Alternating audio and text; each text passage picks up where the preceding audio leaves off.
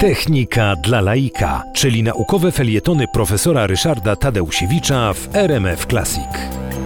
Roboty, które są coraz bardziej podobne do ludzi pod względem wyglądu i pod względem zachowania i pod względem funkcji, które mogą spełniać, zaczynają stwarzać problemy nie tylko techniczne, że trudno takie roboty zbudować, ale również natury na przykład prawnej. Okazuje się, że na przykład e, robot, który ma zastępować nas w różnego rodzaju pracach domowych, e, powinien e, mieć pewien zakres praw, które dotychczas przysługiwały tylko ludziom. Jeżeli robot ma za nas zrobić robić zakupy w supermarkecie, y, to musi mieć osobowość prawną, ponieważ y, ta osobowość prawna jest warunkiem skuteczności działania y, w zakresie wyrażania woli. Akt zakupu jest aktem wyrażenia woli, mianowicie ja chcę nabyć ten towar jestem skłonny zaoferować za niego określoną zapłatę. To wyrażanie woli do tej pory mogły robić tylko osoby fizyczne albo osoby prawne, czyli instytucje albo, albo ludzie.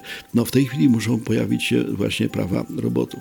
Y, Korea Południowa, w której y, jak gdyby intensywność robotyzacji społeczeństwa, czyli nasycania y, no, już wręcz domów, mieszkań, biur, urzędów robotami jest chyba największa na świecie. Korea Południowa zaczęła wprowadzać już pewne rozporządzenia i pewne regulacje prawne po to, żeby jak gdyby dokładnie zdefiniować, jakiego rodzaju prawa przysługują właśnie robotom, jak powinny kształtować się relacje pomiędzy ludźmi i robotami. E, to jest bardzo zabawne, że jak gdyby sytuacja się poniekąd odwróciła.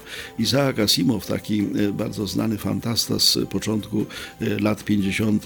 ubiegłego stulecia, napisał tak zwane trzy prawa robotyki, które określały w jaki sposób należy budować roboty, żeby one nie zagrażały ludziom.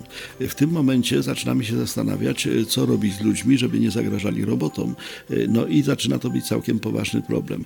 A przechodząc do tego konkretnego incydentu związanego związanego z robotem Sofia i e, Arabią Saudyjską. Rzeczywiście kilka tygodni temu e, miało miejsce e, wydarzenie polegające na tym, że uczestników dużego międzynarodowego zjazdu powitał w imieniu gospodarzy, czyli właśnie Arabii Saudyjskiej robot, robot imieniem Sofia, przypominający, czy powiedzmy naśladujący kształtem, proporcjami i sposobem zachowania kobietę.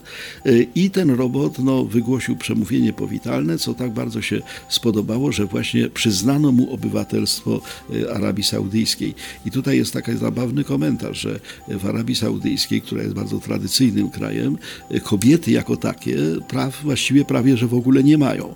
Natomiast robot przypominający kobietę te prawa uzyskał. Pojawia się wobec tego pytanie, jaka jest wyższość robota nad kobietą.